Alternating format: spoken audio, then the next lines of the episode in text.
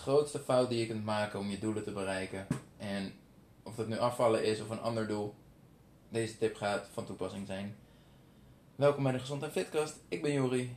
Op Instagram, at Jori, fitcoach, J-O-E-R-I.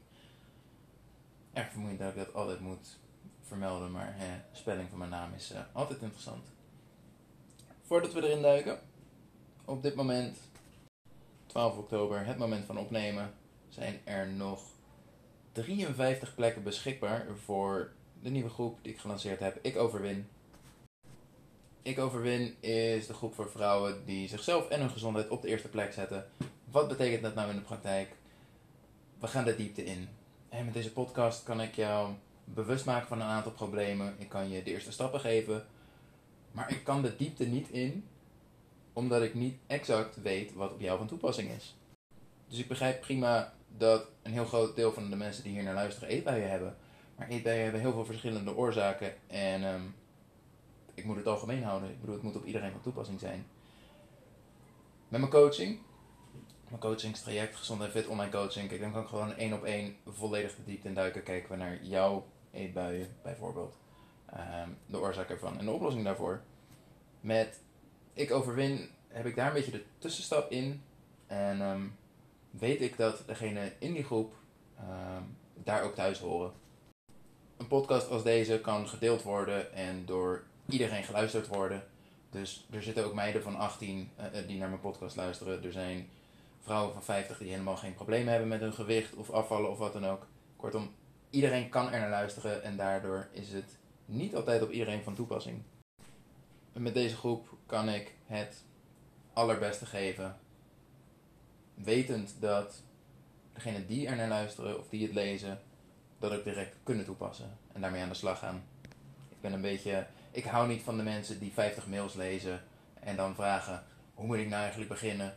Daar heb ik net 50 mails voor geschreven. Had je wat mee kunnen doen? Weet je, deze groep is actie. En uh, als je dus iemand bent die denkt, ik wil graag in actie komen, ik wil wat doen, meld je aan. Ik zet de link in de podcastnotities en staat ook op mijn Instagram op dit moment. Um, ben je iemand die lekker wil afwachten en uh, hoopt dat de magische oplossing ooit tevoorschijn komt? Meld je niet aan. Dat meen ik. Dit is echt. Je krijgt een heel stuk theorie, je krijgt praktische opdrachten waarmee je aan de slag gaat, waar je elkaar vervolgens ook aan uh, kan houden, hè, de stok achter de deur. Dus ik wil geen mensen die alleen maar af en toe een beetje komen meelezen en meekijken en uh, als ze er een keertje zin in hebben, gaan ze er wat mee doen in dit geval is, uh, is een alles of niets uh, mentaliteit een hele goede om te hebben. En mag je die hierop toepassen. Je gaat hier volledig voor of doe het gewoon lekker niet. En uh, bewaar die plek voor een ander. Goed, dat is alles over de groep Ik Overwin. We gaan het over iets heel anders hebben natuurlijk. Namelijk de grootste fout die je kan maken als je je doelen wil bereiken. Een van mijn doelen met deze podcast was, nou moet ik anders zeggen, hoe ik het voor me zag uiteindelijk met het opnemen van deze podcast, was dat ik gewoon lekker ergens buiten kan zitten of buiten kan lopen. Dat, ik een wandeling aan het maken ben en besluit, ik heb een onderwerp in mijn hoofd zitten, daar wil ik over praten, kan ik gewoon doen. Ik had alleen twee problemen. Eentje daarvan is opgelost. Dat was namelijk, uh, nou ja, ik zit in de Filipijnen, mocht je dat niet weten. En um, ehm, 20 september 2022 werd de mondkapjesplicht hier uh, afgeschaft. In Nederland zit je op het punt dat die misschien ingevoerd gaat worden. Nou, hier zijn we er eindelijk vanaf. Dat is alleen voor buiten overigens. Binnen eh, winkelcentra en restaurants nog steeds verplicht. Maar uh, buiten kan het dus eindelijk zonder. Ja, en een podcast opnemen met een mondkapje op. Ik praat vaak al wat snel. Uh, heb een vrij lage stem. Dus als ik met een mondkapje op ga nemen, dan wordt het niet zo'n groot succes. Dat probleem is ondertussen opgelost. Maar dan was er een tweede probleem. En um, die ligt volledig bij mezelf. Namelijk, ik ben gewend om heel veel op te nemen met pauzes. Dus ik heb drie zinnen in mijn hoofd zitten, neem ik op, pauze. Wat ga ik nu zeggen? Opnemen, pauze. En dat is niet zo'n probleem. Het scheelt me achteraf bewerken. Ik hoef niks te knippen, want het is prima zo. Alleen buiten. Het, het hele idee van ik loop gewoon lekker buiten en doe mijn verhaal en, um, en deel dat. Ja, dat, dat zie ik niet voor mij met, ik neem drie zinnen op en dan ga ik weer nadenken en dan neem ik weer drie zinnen op en de hele tijd maar drukken op mijn telefoon. Daar zit ik helemaal niet op te wachten. Maar dus op dit moment wel wat ik doe. Wat ik tijdens het opnemen van deze podcast heel bewust probeer niet te doen. In het introductiestukje en over uh, Ik Overwin um, was dat wat moeilijker, omdat er gewoon praktische zaken uh, moesten kloppen.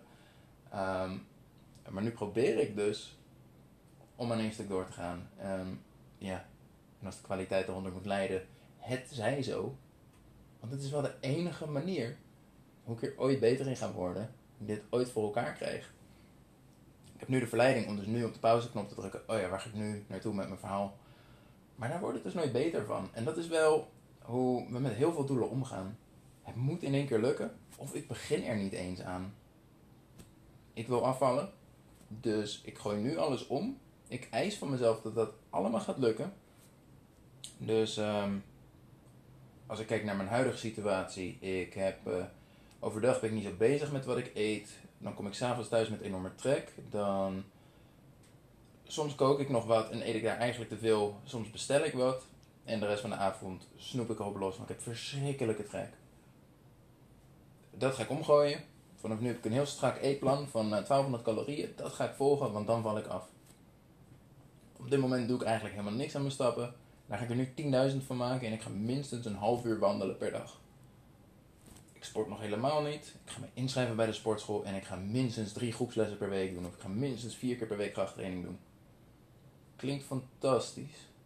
Het werkt voor geen ene meter. En dat heb je waarschijnlijk al vaak genoeg ervaren. Zoiets hou je een week vol, twee weken vol, als de motivatie hoog is. Maar zodra je niet meer kan rekenen op motivatie, dan, dan houdt het op. En motivatie is iets heel krachtigs, maar het is ook iets heel tijdelijks. Motivatie kan ervoor zorgen dat je zegt: Oké, wat ik de afgelopen maanden heb gedaan, werkt voor geen meter. Het moet nu anders. Ik schakel een coach in. Kan niet zijn wat je doet met motivatie. Vervolgens, als jij de verkeerde coach hebt gekozen, na een maand, die motivatie die, die houdt een keer op, coach doet helemaal niks voor je uh, wat motivatie betreft, wat discipline betreft, wat structuur betreft. En dus na een maand, ja, um, het lukt niet en de coach raakt alleen maar gefrustreerd. Waarom doe je niet gewoon wat we afspreken, wat ik je zeg dat je moet doen? En jij denkt, verdorie, ik betaal voor die coach hartstikke veel geld. Waarom lukt het me niet? Waarom doe ik het niet gewoon? Ik wil het wel, maar het lukt me niet. Dat moet anders als je een goede coach inschakelt, in dit voorbeeld, um, dan zorg je dat in die eerste weken, wanneer je motivatie hoog is, dat daar een basis wordt gebouwd waar je op kan verder bouwen. Dat je enerzijds succesmomenten hebt, waarvan je denkt: oké, het gaat nog niet helemaal zoals ik wil, maar er zijn een aantal dingen die wel heel goed gaan, daar kan ik op doorbouwen. Dat motiveert weer een beetje om door te gaan. Tegelijkertijd werk je aan een basis waar je op kan doorbouwen. Werk je aan een structuur die je kan vasthouden. Zodat als jouw motivatie er niet is, zodat als het een keer moeilijk is, dat je daarop kan terugvallen. En dat je niet afhankelijk bent van, ben ik gemotiveerd? Weet je wel, als jouw eetbuien wel of niet plaatsvinden, afhankelijk van, ben ik vandaag gemotiveerd? Of ben ik er eigenlijk wel klaar mee? Sorry, maar op die manier gaat het je nooit lukken, tenzij je dat verandert. En dat betekent, heel simpel, je moet durven falen. Zelfs in het voorbeeld wat ik aangaf, een goede coach, daar gaat niet alles bij lukken. Daar gaan dingen fout. En voor veel mensen is dat het moment van opgeven. Als je een goede coach hebt, dan helpt die je als het goed is om te kijken naar wat wel gelukt is. En kijk je samen naar een oplossing voor de dingen die niet lukken, zodat ze de volgende keer wel lukken. Of in ieder geval beter gaan. Maar durven te falen betekent dus wel het loslaten van die alles of niets mentaliteit. En dat is lastig. Dat doe je al jaren. Daarvan heb je misschien juist zoiets. Enerzijds zit het me wel in de weg, vind ik het vervelend. Maar als ik dat niet had, dan was ik nu nog veel verder weg van mijn doel. He, dat strenge dat heeft, me, heeft juist voorkomen dat ik niet nog zwaarder ben nu. Waar mijn tegenantwoord altijd is: heeft die mindset, die mentaliteit, die strenge houding naar jezelf, die kritische stem in je hoofd, heeft die voorkomen dat het nu erger is?